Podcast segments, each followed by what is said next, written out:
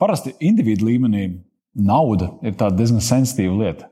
Ir tāds teiciens, puspa jokam, ka cilvēka jūtīgākais orgāns ir viņa maciņš. Uzņēmējā līmenī, ja tu esi pieredzējis ar naudu darboties kā vienkārši ar vēl vienu resursu tavā resursu klāstā, tu to skaties pavisam racionāli. Un ir brīži, kad nauda ir jāpiesaista, lai realizētu kādu paplašināšanās projektu, kādu jaunu virzienu attīstīt vai varbūt apgūt jaunu tirgu. Ko šādos gadījumos darīt, par to šajā sarunā.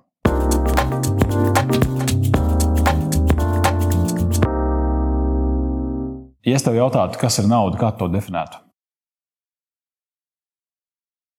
Tas ir līdzeklis, kas uh, neatrisina problēmas, bet padara cilvēkus uh, mierīgākus.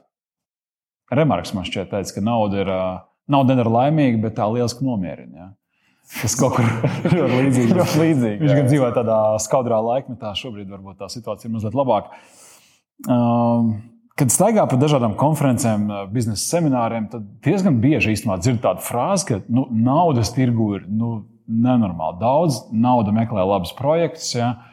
Un tad ir cilvēki, kas mūs no šīm frāzēm, ja nu, man tā nauda tā nav par daudz, un es ar savu biznesa ideju esmu apstaigājis jau desmit investorus, un kaut kā nu, nav tā, ka man viņi met pakaļ. Kā, tur kaut kāda pretruna, man liekas. Vai tu esi novērojis, jo tu esi naudas jomā, tu aizdod uh, naudu uzņēmējiem, uh, tad tu esi tajā pusē, kur tā nauda meklē labus projektus. Mhm. Kā ir īsti?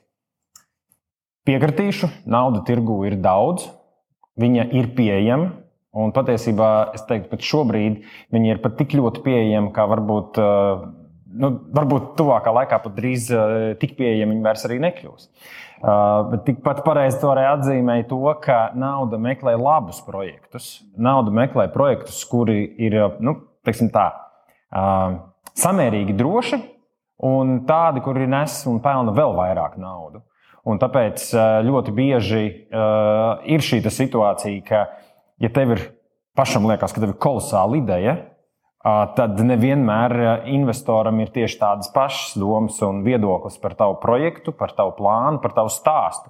Un tieši tāpēc ir ļoti, ļoti svarīgi brīdī, tad, kad tu meklē papildus finansējumu vai naudu savam projekta realizācijai, nu, būt maksimāli pārliecinātam par to, ka tava ideja ir tā unikālākā, pati labākā, un tu zini viņu līdz mielēm. Bet tavā atbildē man izklausījās, ka faktiski jau ir tas, tā nauda labāk un labprātīgāk atrod tos projektus, kas nu, netop no nulles, kas saka, trakais zinātnieks ar ideju vai izgudrotājs, bet tur ir jau kaut kāds bizness un ir iespējams kaut kāda paplašināšanās, jauni tirgi, nezinu, apgrozāmie līdzekļi. Tas drīzāk ir, ir jūsu stāsts, vai ne? Ziniet, kā te ir atkarīgs tieši tā, pie, pie kā tu vērsies. Jo līdzīgi kā daudzās citās jomās pasaulē un tirgū, tā arī naudas jomā ir uzņēmumi un ir sektori, kas strādā vairāk konservatīvi, ir tur, kur vairāk ir agresijas, tur, kur vairāk ir risks. Un iespējams, ka tu ar savu trako ideju satiec tikpat traku investoru, kuram ir tieši tajā virzienā arī savs redzējums, čūskas, ņūks un poņa. Ja? Un, ja šīs abas divas uh, idejas satiekās, tad uh, iespējams tas ir jackpots. Tajā konservatīvajā galā šķiet ir bankas, un, un tajā trakajā galā ir vai nu ļoti entuziastiski investori, vai arī riska kapitāli, kurus iespējams piesaistīs kaut kādas valsts garantijas, valsts uzņēmējdarbības atbalsta programmas, nu, riska kapitāls, kaut kāda akceleratora un tā tālāk. Un tad pa vidu ir, ir, ir personas uzņēmumi, kas, kas dod naudu tādiem uh, ne galīgi trakiem, bet ne arī super garlaicīgiem projektiem.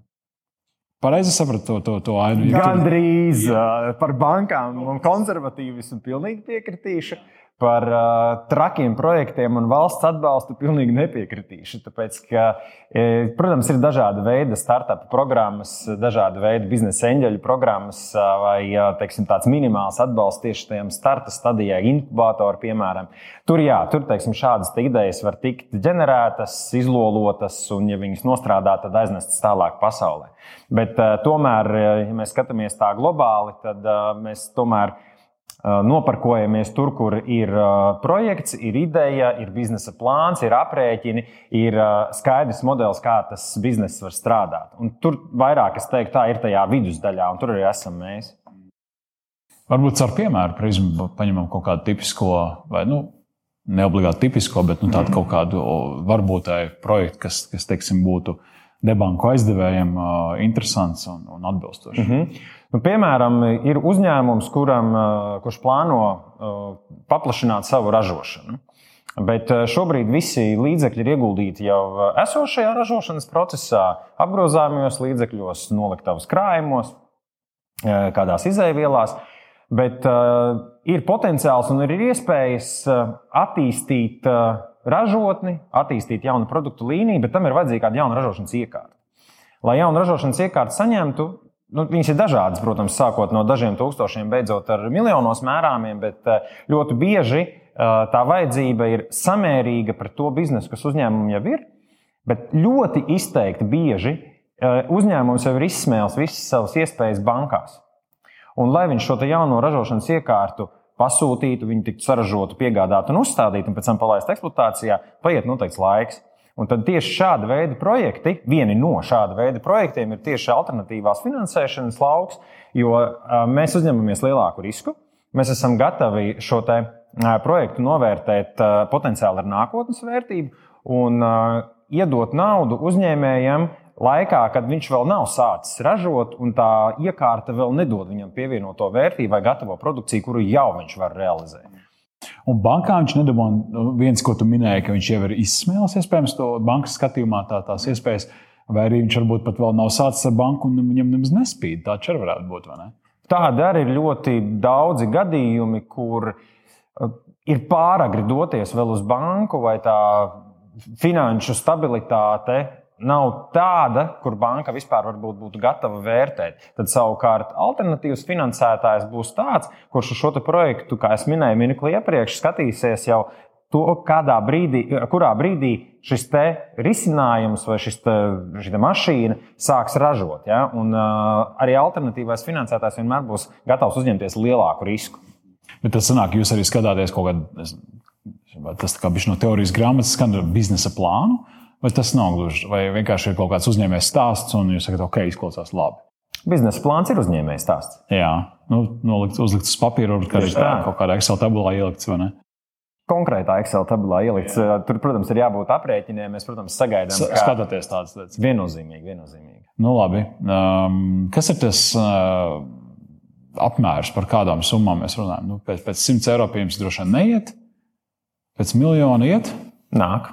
Okay. Nāk. Un jūs dodat? Ja ir projekts, kurā mēs redzam potenciālu un iespējas, viennozīmīgi, jā. Nu, labi, paspēlējamies vēl par tādu sensitīvu tematu. Alternatīvas aizdevējs ir banka. Nu, mēģinām pretnostatīt. Nevis kurš labāks, sliktāks, bet vienkārši nu, atbilstība droši vien konkrētam projektam būs tāda vai citādi. Tie, kas mums skatās un klausās, lai saprastu un lai savu izvēli izdarītu precīzāk. Tad, kas ir galvenie iegūmi, ejot pie alternatīvu finanšu? Aizdevēja. Nu, sāksim to, ka abi ir labi. Un abi palīdz konkrētā situācijā pie konkrētiem risinājumiem. Un dienas beigās, kā es vienmēr saku, gan saviem kolēģiem, gan klientiem, ja, tad jums ir projekts, jums ir vajadzīgs finansējums, tāpēc būtībā ir nauda. Un mēs varam nosaukt šo produktu vai, vai vajadzību, kā mēs vēlamies. Dienas beigās mums ir vajadzīga nauda, lai realizētu ideju un konkrētu lietu, kas visticamāk nopelnīs vēl vairāk naudas jau uzņēmējiem. Bet tās būtiskākās atšķirības, kuras noteikti var izcelt salīdzinot alternatīvu finansētāju ar banku sektoru, kas mūsdienās ir īpaši svarīgi, tas ir laiks. Okay, tad, tad, tad ātrāk. Jā, viennozīmīgi. Alternatīvs finansētājs vienmēr pieņems lēmumu ātrāk. Otra lieta kam, kam noteikti ir jāpievērš uzmanība, tie ir noteikumi, uz kādiem tiek tātad izsniegts šis finansējums vai nu, tātad, nu, panākt vienošanās. Tad termiņi, jo nereti pie alternatīvu finansētāja termiņi var būt apspriežami un teksim, tā, maksājuma grafiki var būt daudz elastīgāka nekā tas var būt bankā. Respektīvi, ja mēs paskatāmies par kopumā, ja, tad, tad jebkurš alternatīvs finansētājs būs gatavs vairāk locīt un mīcīt to projektu un skatīties no visām pusēm, kā panākt šo vienošanos, lai abas puses būtu ieguvēji. Protams, to darīs arī bankas, bet alternatīvs finansētājs vienmēr būs, uh, tā moderni saka, džēlē. Ja?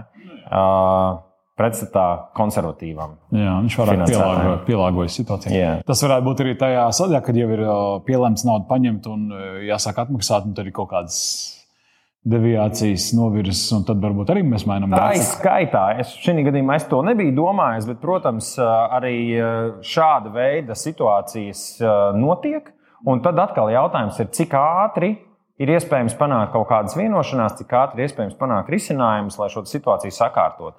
Un te gan ir viena kopīga iezīme, pilnīgi noteikti pie jebkura finansētāja, jo ātrāk uzņēmējs, kuram ir radušās kaut kādas īstermiņa vai kāda veida ķibeles, nāks pie finansētājiem par tām runāt, jo risinājums būs ātrāks, vienkāršāks un visiem saprotamāks. Kad tu runā par ne, nebanka aizdevēju ātrumu, kur tas ātrums radās vai kur tas lēnums bankās veidojās? Kur, kur ir tā fundamentāla atšķirība? Bankās ir lielāka birokrātija, vairāk darbinieku, vairāk procedūras, lielākas saskaņošanas ceļš. Savukārt pie alternatīvu finansētāju, nu, mēs esam ļoti žiparīgi. Ja? Mums ir jāpieņem ātri, lēmums ļoti ātri, jo pretējā gadījumā konkurence. Konkurence spiež būt pietiekami elastīgam, pietiekami ātram, lai potenciālais klients tajā dienā, tad, kad tu esi pateicis, viņam pagaida vēl mazliet, neaiziet pie blakus durvīm. Es nezinu, vai tas atbilst patiesībai, bet es esmu dzirdējis viedokļus gan no uzņēmējiem, arī politiķiem īstenībā par to, ka Latvijā banku ziņā ir nepietiekama konkurence un ka uzņēmēji reāli no tā cieš. Tad uh, alternatīvo finansētāju nozarē, kā tu minēji, ir citi spēlētāji, tā konkurence spiež būt ātram, elastīgam un konkurētspējīgam ar savu piedāvājumu. Bet mēs esam pareiz. pietiekami daudz tirgu. Jā. Mē, mēs tas, viens... ko tu teici arī sākumā, ka naudas ir daudz tirgu. Tieši tā. Jā. Jā. Precīzi.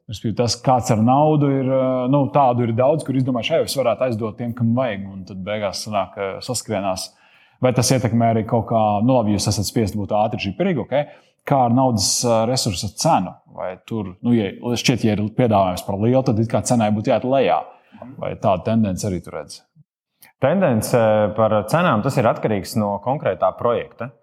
Jo projekts būs drošāks priekšfinansētāji, jo loģiski, ka tā cena būs zemāka. Jo tur būs lielāks risks, teiksim, tas, ko mēs tikko runājām, arī zināmā mērā par trakām idejām, kādiem startupiem, tad, protams, ka tur šī naudas cena būs augstāka. Un atkal, vai vispār finansētājs būs gatavs uzņemties šo risku par jebkādu cenu. Ja? Bet, eh, protams, ka alternatīvā finansēšanā eh, resursu cena ir augstāka, kas nozīmē to, ka, protams, arī beigās slēdzot līgumu un vienojoties par eh, finansējumu, šī izmaksas un cena, protams, būs augstākas. Jā. Un kā ar termiņiem? Tie ir kaut kādi, ir, tev ir kaut kāds nezinu, vidējais tas kredīta kredīt līguma garums, kāds ir uzņēmējiem parasti? Te ir jādala kāda ir vajadzība, ar kādu uzņēmējs ir vērsies pie finansētāja. Jo mēs pilnīgi noteikti varam izdalīt divas lielas grupas, kas viens ir īstermiņa vajadzība, kas parasti ir apgrozāmiem līdzekļiem, un otrs ir ilgtermiņa vajadzība, kas ir kaut kāda investīcija projekti, kāda attīstība, tāpat manas pieminētā iekārta vai kāda celtniecības objekta. Bet ļoti populāri un visvairāk pie alternatīviem finansētājiem uzņēmēji vēršas tieši īstermiņa vajadzības spiesti.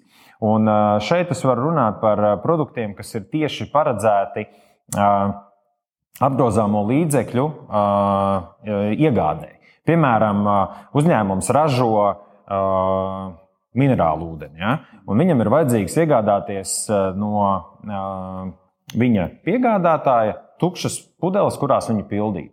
Un jāveic ir apmaksa. Un ir produkti tirgū, kur attiecīgi vienojoties ar finansētāju šo apmaksu var veikt eh, simtprocentīgā apmērā un viens dienas laikā. Tas nozīmē, to, ka šī uzņēmuma piegādātājs eh, pēc būtībā saņem naudu uzreiz. Nu, mēs, esam, mēs redzam jau vienu laimīgu uzņēmēju. Eh, pasūtītājs, kurš ražo te, šo te minerālu ūdeni, viņš attiecīgi jau saņemot praktiski nākamajā dienā šīs pudeles, var likt viņus iekšā ražošanā. Un jau nu, cik nu, viena, divas dienas aiziet, kamēr viss un nosūtīt uz veikalu. Kas ir vēl svarīga lieta? Uh, ja šāda schēma strādā, attiecīgi tad mēs esam vienojušies trīspusēji uh, pasūtītājs, piegādātājs un finansētājs, tad, ja piegādātājs saņem naudu ātrāk, tad pasūtītājs pilnīgi noteikti var prasīt atlaidi piegādātājiem par to, ka viņš ir saņēmis visu naudu un uzreiz. Jo klasiski mēs runājam par atlikto maksājumu, kas ir 30 dienas, 60 dienas, 90 dienas. Un līdz 90 dienām tas ir tas īstermiņš saucamais. Garie projekti, tātad, tas jau ir tāds nopietns investīcijas. Jā. Bez tam varbūt arī, ka viņš dabū labāku cenu, viņš pasūta, piemēram, vairāk pudeles, nevis mēnesim, bet ar sešiem mēnešiem. Bet tas, ka rops ir apgrozāmies līdzekļos un naudas plosmā, Pilnīgi noteikti. Jā, šādā veidā. Precīzi. Ok, tad, tad vairāk tā kā īsais termiņš. Vai mēdz būt situācijas, nezinu, vai tas tāds pieklājīgs jautājums tev, tev bet nu, vai mēdz būt situācijas, kad pārfinansē, kad paņem pie tevis un, un tad kaut kā sakārto tās attiecības birokrātija visa banka un tad pārfinansējas bankā? Ir tā, tas ir pilnīgi normāls jautājums. Un tā ir normāla situācija tirgu, kad tu atkal ej iekšā kādā jaunā produktā, projektā. Vai īstenībā te sakal vēl vienu piemēru izstāstīt.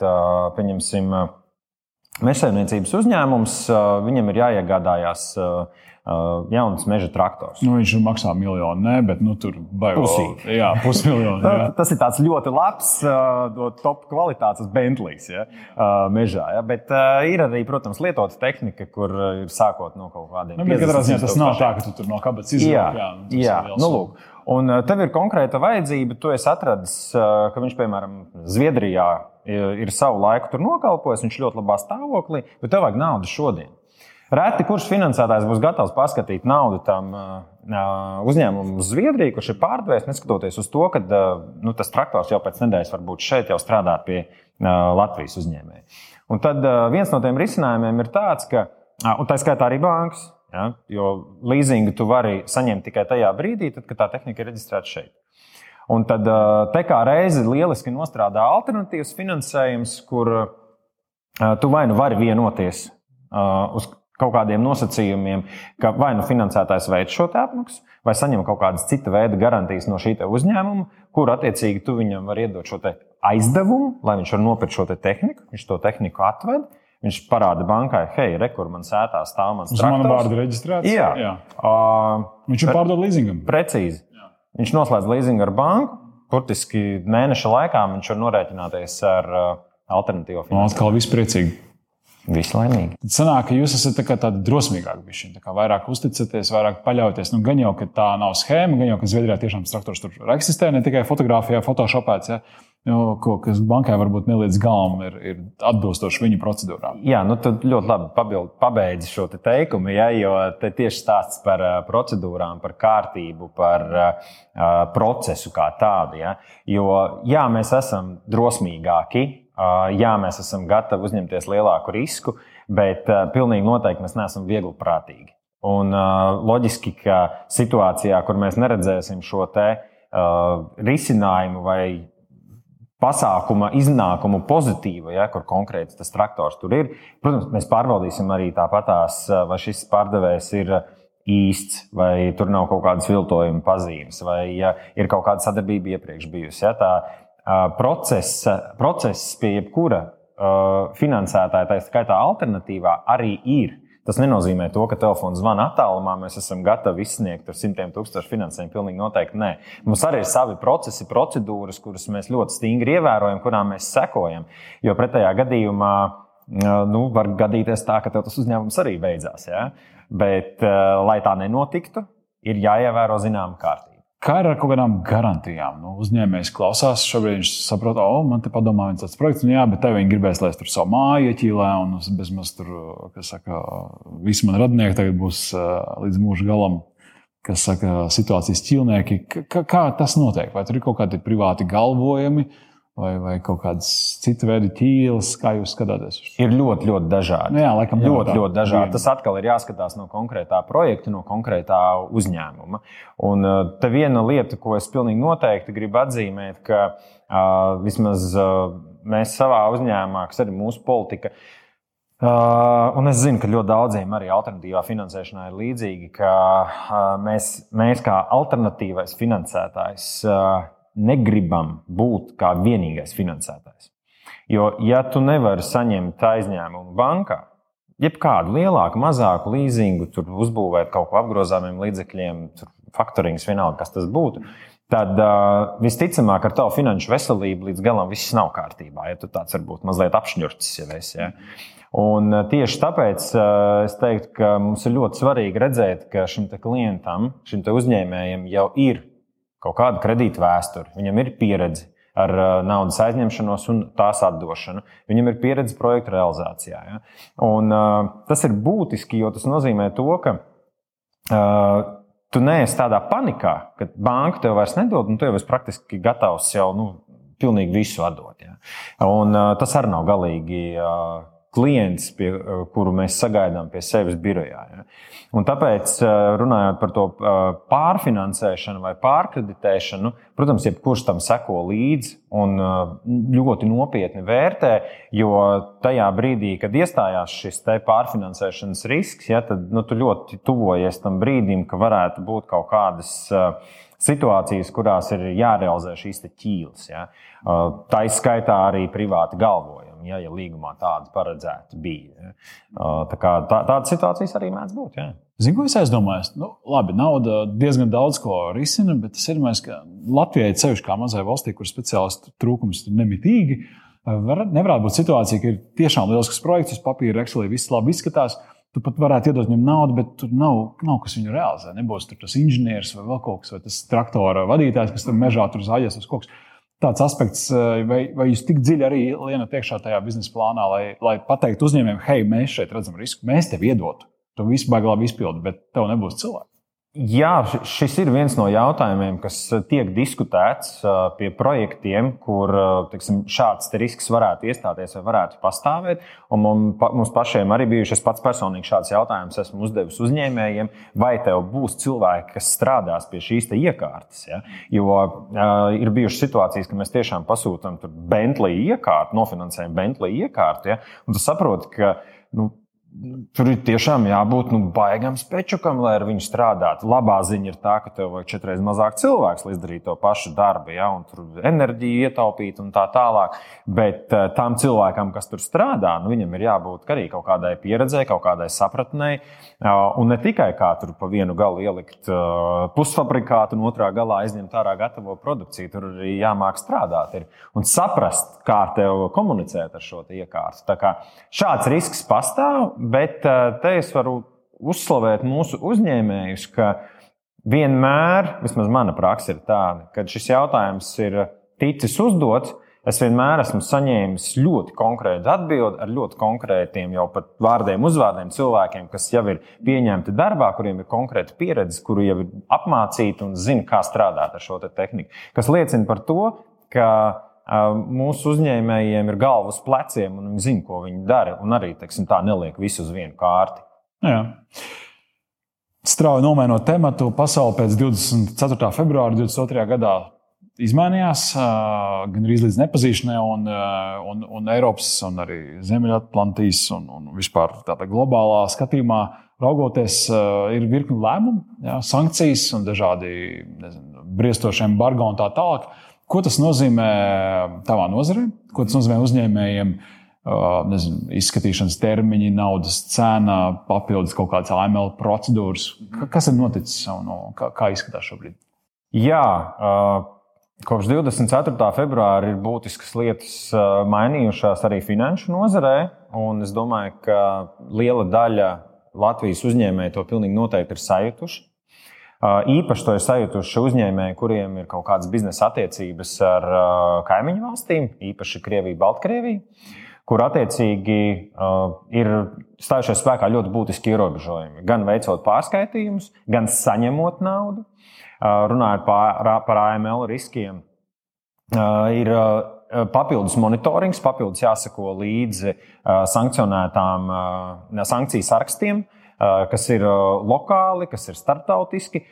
Ir, šeit ir ļoti būtisks risks, un tiešām daudzi uzņēmēji, citādi arī mēs esam izdalījuši atsevišķu cilvēku, kas kontrolē tātad sadarbības partnerus, maksājumus, no kā tiek saņemta nauda, ar ko mēs slēdzam līgumu. Tā izpēta šobrīd ir būtiski dziļāka nekā viņa bija iepriekš. Lai gan es pat teiktu, iepriekš viņa arī bija ļoti, ļoti nopietna. Tad šobrīd vienkārši ir vēl papildus lietas, kurām ir jāpievērš uzmanība. Un, protams, ka tas ir laiks. kas tiek veltīts šim te, šim te procedūrām, te procesiem. Naudas pārskaitījumi iet ilgāk. Vairāk es teiktu, mums būtu jāstraucās par to, ka ir nozares, kurās būs ļoti liela, jau šodien ļoti liela izaicinājuma ar resursiem un attiecīgi sekojušām resursu cenām, ko mēs jau šodien esam visi pamanījuši. Un man nebūs pārsteigums, ja šī gada beigās inflācija būs tuvu pie 20%. Bet tas nozīmē, ka naudas resursu cenai arī vajadzētu augt. Pilnīgi noteikti. Citādi jums jau nav biznesa līdz ar to. Ne tikai mums, bet uh, naudas resursu cena jau šodien sāk augt. Jā. Ja mēs paskatāmies, tad uh, šodien jau gada Eiribors jau ir pozitīvs. Ja mēs bijām laiku pieraduši, kad viņš ir nulle vai negatīvs. Laik. Tagad daudz, kas ir kādam parādā, nebūs sevišķi priecīgi to dzirdot, bet nu, tāda ir dzīve. Vēsturē ir bijuši šādi gadījumi, ja, kad tu esi aizņēmies uh, piecus latus un uh, tev ir jādod pēc tam uh, nu, ekvivalenti viens. Ja. Arī. Jā. Klau, nu varbūt noslēdzot tādu mazu provokāciju. Sen Latvieši teica, ka parāds nav brālis. Ko tu viņiem saki pretī no šodienas skatu punkta? No šodienas skatu punkta ir, tu esi malacis, ja tu māki pelnīt ar svešu naudu. Lieliski. Paldies par sarunu. Lūdzu.